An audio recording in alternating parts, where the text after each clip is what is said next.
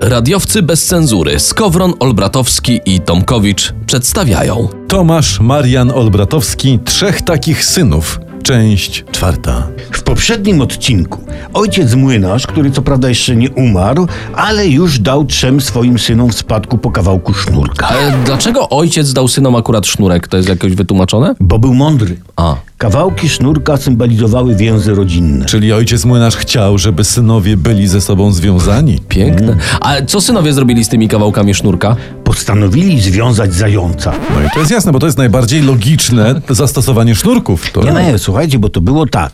Nieopodal nieistniejącego młyna mieszkała dziewczynka, która lubiła nosić torebki foliowe na głowie i dlatego nazwano ją przezroczysty kapturek.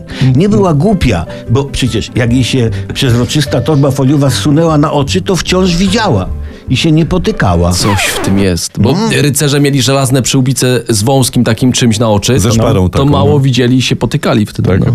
Ale to, to o tej dziewczynce jest ta taka znana przyśpiewka. Mhm. Y, Hej tam w dolinie, hej tam przy młynie, czekało dziewczę przy trampolinie. Tak, tak. To jest ona. tak, A tak. skąd tam przy młynie trampolina? No bo ona została po przodkach trzech braci, też młynarzy, którzy nie mieli młyna, i oni skakali z niej do piachu.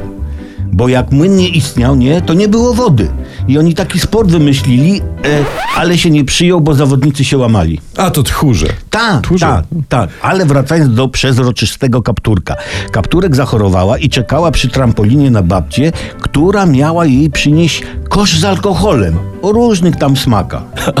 A co z zającem? A z zającem. A o tym, co z zającem, dowiemy się w następnym odcinku. A sponsorem tego odcinka przygód różnych ludzi był Oko Rajpol, profesjonalny producent estetycznych oczek do rajstop. Twoje rajstopy nie widzą? Kup im oczka.